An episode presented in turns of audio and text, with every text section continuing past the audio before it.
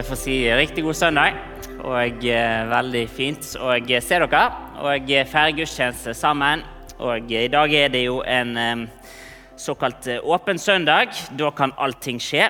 Da kan vi gjøre som vi vil. Var bestillingen jeg fikk, så eh, ikke helt det. Men eh, vi pleier jo å preke i serier her i kirken som eh, går på tvers av alle fellesskapene våre. Men eh, innimellom så har vi altså disse søndagene hvor vi får mulighet til å snakke litt om eh, hva vi tenker er, er viktig å løfte frem i de ulike fellesskapene og litt spesifikke behov i den perioden vi er inne i nå. Og når eh, lederteamet for eh, elvegudstjenesten i høst eh, hadde litt evaluering og pratet sammen om hvordan det går, så må vi jo bare si at vi er utrolig begeistret. Det skjer så mye bra eh, i så mange ledd eh, over hele fjølen her. Det er masse folk eh, på gudstjeneste hver søndag. Det fylles opp med barn i søndagsskolen. Og alle generasjoner er representert.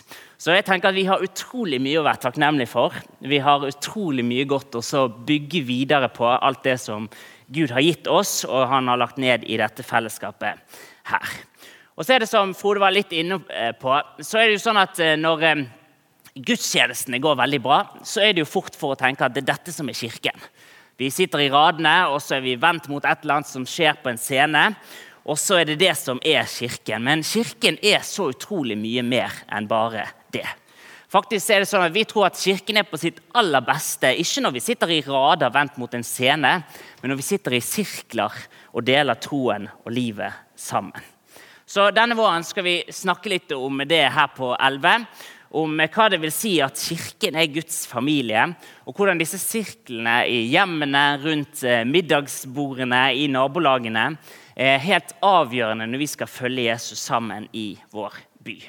Så Det er to ting vi håper å se. Det ene vi håper å se, det er at eh, i samtalene mellom oss så blir det på en måte litt dypere og litt mer eh, trosliv enn på en måte bare hva har du gjort i helgen og hva skal du gjøre neste uke. Sant? Men at vi lærer oss opp til å ha litt samtaler sammen om hvordan det går med vårt liv sammen med Gud og i livet generelt. Og så håper vi òg, som du kanskje har skjønt, at enda flere på dette fellesskapet kobler seg på smågrupper og blir en del av en sånn type sirkel. Det tror vi er viktig for tiden vi er i nå, og i det som kommer eh, fremover. Så er det én ting til jeg skal si før vi setter i gang. Det er det at 12. Eh, og 19. mars da eh, må du sette av en av de du kan velge. Da skal vi ha noe som vi kaller eh, Syv på middag. Og Da er du invitert hjem til folk i dette fellesskapet her på middag rett etter gudstjenesten. Og Det kommer mer informasjon om det, men det blir en sånn praktisk øvelse. Da skal vi øve oss på å være i en sirkel sammen, og jeg tror det kommer til å gå kjempebra. Så jeg gleder meg masse og eh, håper at du blir med på det. Det kommer mer informasjon. Så I dag skal vi starte og vi skal snakke om dette temaet Guds familie. Det er kanskje en av Jesus sine mest radikale ideer, og jeg skal prøve å argumentere for hvorfor. Men vi skal altså gå til Markus evangeliet, til kapittel 3, og vers 31 til 35. Og der står det som følger. Nå kom moren og søsknene hans, altså til Jesus, de ble stående utenfor, men sendte bud og ba ham komme ut. En stor flokk satt omkring ham, og noen sa til ham, 'Din mor og dine brødre og søstre er utenfor og spør etter deg.' Han svarte, 'Hvem er min mor og mine søsken?' Og han så på dem som satt omkring ham, og sa, 'Se, her er min mor og mine søsken.' For den som gjør Guds vilje, er min bror og søster og mor. I denne teksten så har eh, Jesus eh, nettopp samlet sine tolv disipler. og Ryktet om Jesus har begynt å gå på byen. og Derfor er det en stor folkemengde som har eh, kommet sammen for å se Jesus gjøre mirakler og få høre hans undervisning. Etter hvert så kommer Jesus sin mor og søsknene hans dit. Men pga. denne store folkemengden så kommer ikke de frem til ham. De sender bud på Jesus, og noen sier til Jesus at din mor og dine brødre og søstre er utenfor og spør etter deg. Og Da svarer Jesus med et retorisk spørsmål, sånn som han veldig ofte gjør. Og Så sier han, 'Hvem er min mor og mine søsken?' Og Så ser han på de som sitter omkring seg. Kanskje kan det være hans nærmeste sirkel. Og Så peker han på dem og sier at 'se, her er min mor og mine søsken'. For den som gjør Guds vilje, er min bror og søster og mor. Familien er Jesus sin primære idé om hvilken type fellesskap Kirken er ment å være. Og nå, For oss høres jo det ut som en litt sånn fin, litt koselig, kanskje til og med litt sentimental idé. Men for tilhørende da så ville dette vært en radikal idé. Og Flere teologer argumenterer for at dette var en av de avgjørende grunnene til at Jesus til slutt ble henrettet.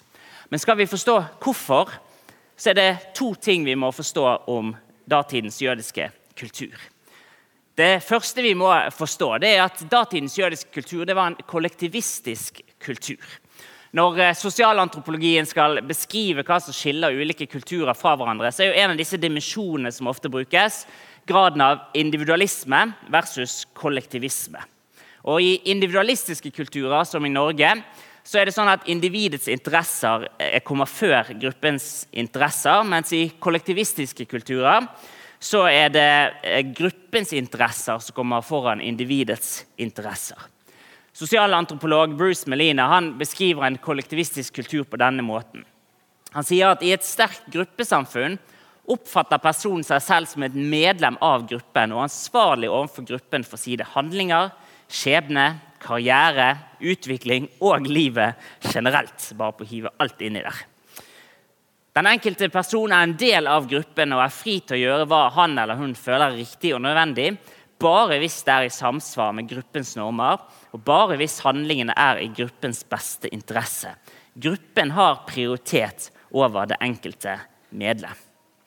Og I vår tid, her i Norge, i Vesten, så er jo en sånn idé ikke bare en fremmed, men faktisk så ville vi sagt at den er undertrykkende. For hos oss er det jo sånn at det er en selvfølge at individets interesser alltid settes først. Og individet selv skal få bestemme og ikke styres av ytre autoriteter. For vårt øverste mål er å være fri, hva enn vi legger i det ordet, og fri til å bestemme selv. Men datidens jødiske kultur det var et sterkt gruppesamfunn. Og i det samfunnet så var det sånn at din primære gruppe det var din familie. Og Det leder meg over til det andre som vi må forstå om datidens jødiske kultur. skal vi forstå hvorfor dette var kontroversielt. Og det var det at Da var det sånn at familien den var farslinjet. Det vil si at Familien din den var definert gjennom din fars linje, og ikke gjennom ekteskapet. For kan vi lese i Matteus 1 om alle slektsleddene til Jesus at det går fra far til sønn. Abraham fikk sønn Isak, Isak fikk Jakob, Jakob fikk Juda, og du skjønner tegningen. Og I den kulturen så var det sånn at ektefellen var teknisk sett egentlig ikke en del av familien. Og Det betyr jo ikke at det ikke kunne liksom være noe romantikk med i ekteskapene her. Men eh, i den kulturen så var det sånn at ekteskapet det var faktisk noe som i større grad var arrangert og ansett som noe som skulle være til det beste for gruppen, og ikke for egne følelser eller personlig lykke. Og Her kommer vi til poenget mitt. for det betydde jo i praksis at din nærmeste relasjon, altså ditt mest intime og tetteste bånd, det var mest sannsynlig ikke til din ektefelle, men til dine søsken. Og Da er det jo enda mer fascinerende at med det kulturelle bakteppet at Jesus kaller sine etterfølgere for søsken, altså det som var datidens mest intime relasjonelle paradigme. Og Det var en radikal idé. Men ikke først og fremst fordi Jesus sa at hans gruppe skulle fungere som en familie. For det var ikke en ny idé for jødene. For Fra første side i Det gamle testamentet kan vi lese om hvordan Gud har skapt mennesker for familie. Gud er i seg sjøl en familie med far, sønn og Den hellige ånd. Og Gud sier i skapelsen la oss skape mennesker i vårt bilde så de ligner på oss. En teolog sa det sånn at Gud han er en familie som skaper familier. Så hvorfor var denne ideen om Guds familie da så radikalt? Jo, det er minst to grunner til det. Den første grunnen var at Jesus definerte familien sin her ikke gjennom farslinjen, men gjennom enhver som gjør Guds vilje. Jesus ser på de som sitter omkring ham, så sier han at se, her er min mor og mine søsken. For den som gjør Guds vilje, er min bror og søster og mor.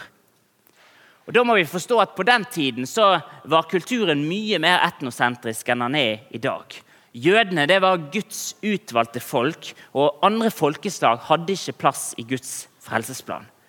Og Det Jesus sier i praksis her, det er at Guds familie det er ikke lenger bare for jøder, noe som var selvsagt for jødene da, men Guds visjon for sin familie det er en multietnisk familie bestående av mennesker fra alle folkeslag.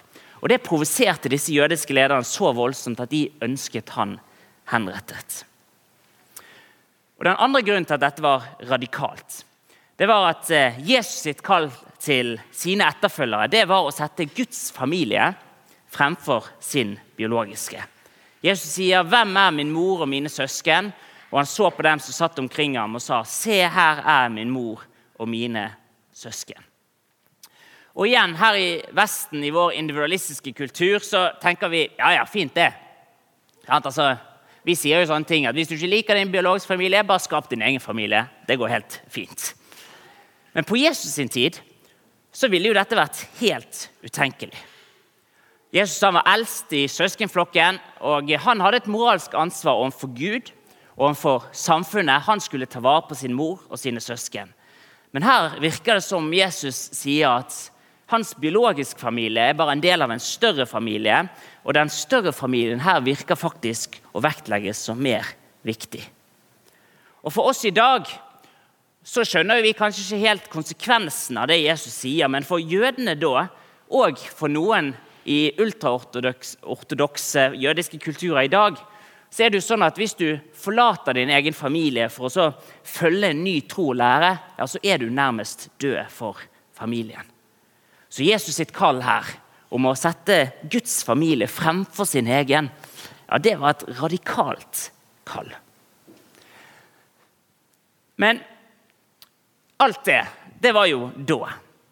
Så er denne ideen fortsatt radikal i dag.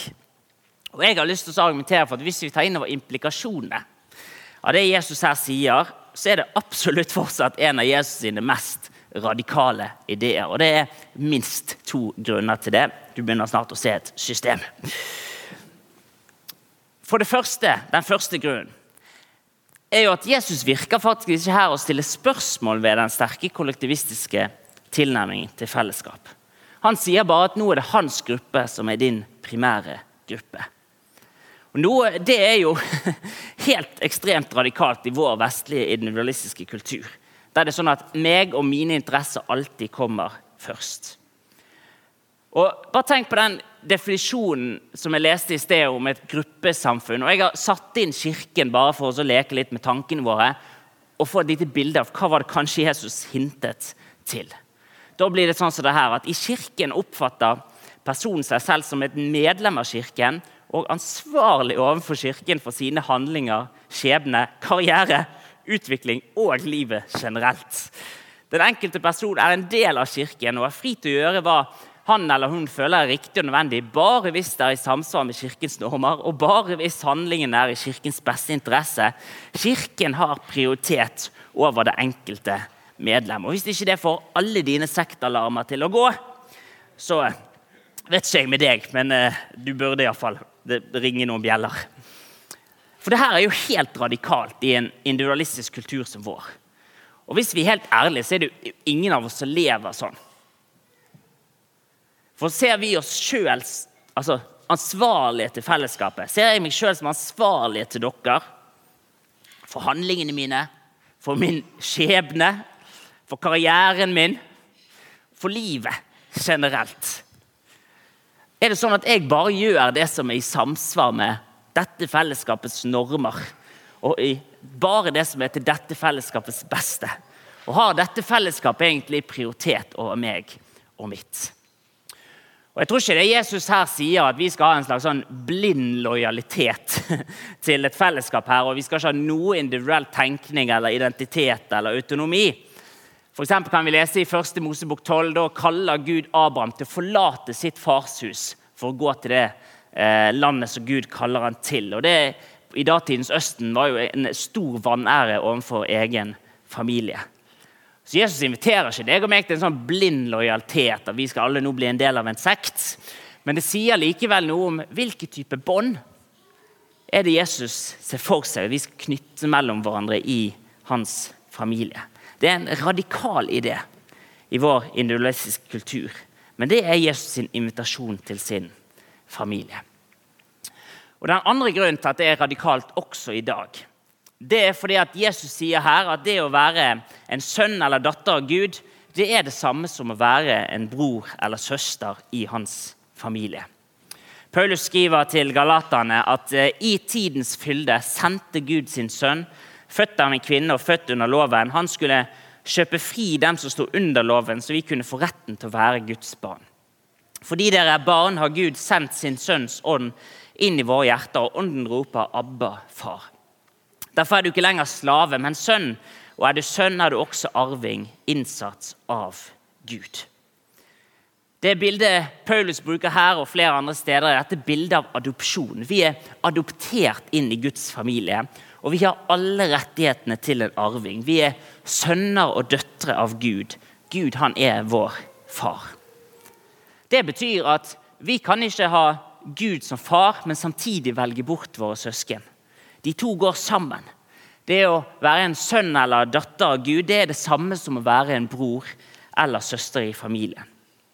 Og I vår tid så liker vi å si at jeg har min tro, og du har din tro. og vi har alle vår tro. Eller vi kan si sånne ting som at jeg, tror på Jesus, men jeg vil ikke ha noe med kirken å gjøre. Men det Jesus sier her, det er at de to går sammen. Det å være en sønn og datter av Gud, det er å være en bror eller søster i familien. Så hva betyr alt dette her? Noen få refleksjoner før vi runder av. Jesus' sin undervisning her det betyr bl.a. at dersom vi er velsignet med vår egen biologiske familie eller vår egen kjernefamilie, så må ikke vi tenke at det er vår eneste familie. For Uansett om vi liker det eller ikke, så er ikke en selvstendig og en selvforsynt kjernefamilie et begrep du finner igjen i Bibelens tekster. Og når jeg sier det, så kan jo det virke litt som en trussel mot kjernefamilien, men jeg tror faktisk at det motsatte er realiteten. Både kjernefamilien og Guds familie overlapper og flyter inn i hverandre på en måte som gjør at begge to blomstrer. Vår kjerne, åndelige familie trenger kjernefamiliene, og kjernefamilien trenger den åndelige familien. Og så tror jeg at det Jesus her sier, betyr at også for de som ikke har en egen biologisk familie eller egen kjernefamilie, så betyr ikke det at vi må tenke at vi da står uten familie i livet. Men Kirken er Guds familie i verden. Og Jeg er jo en eh, singel ung mann. og Jeg sier ikke det som reklame i dette fellesskapet, i alle fall. Men det kommer jo på podkast, så det er jo bare å få det ut der. Og eh, En av de tingene som gir meg masse glede, det er å bli invitert hjem på middag til eh, Anna og Håvard, eller til Silje og Knut, eller til Irina og Kristian. Og når jeg blir det, så er det sånn at noen ganger Noen ganger så eh, er det strøkent og fireretters middag. Det er alltid hjemme hos Christian Pilskog. Han er overachiever. Sant? Mens de aller fleste ganger så er det jo fullstendig kaos. Det er unger overalt, det er klær og leker overalt. Begge deler er like fint. Noen ganger så står middagen klar på bordet, andre ganger så må jeg lage den sjøl. Men så spiser vi middag sammen, og så prater vi sammen om eh, eh, dagen som har vært. og så Noen ganger så må vi brette litt klær og rydde litt. Og andre ganger så bare slenger vi beina på bordet. Og så deler vi troen, og så deler vi hverdagslivet sammen. Et uttrykk for familie også utenfor ens egen kjernefamilie. Og Tenk hvis det kunne være vårt kjennetegn som fellesskap. At de som av ulike årsaker er single, ikke føler at de står alene. At de som av ulike årsaker er ensomme, finner et fellesskap å dele hverdagen med. At de som av ulike årsaker ikke føler at de hører til en plass, finner et hjem å tilhøre. At de som har en kjernefamilie, ikke bare tenker at vi er nok med oss, men vi kan være til velsignelse, og vi kan få en velsignelse av å åpne opp for flere. Sammen så er vi Guds familie i verden.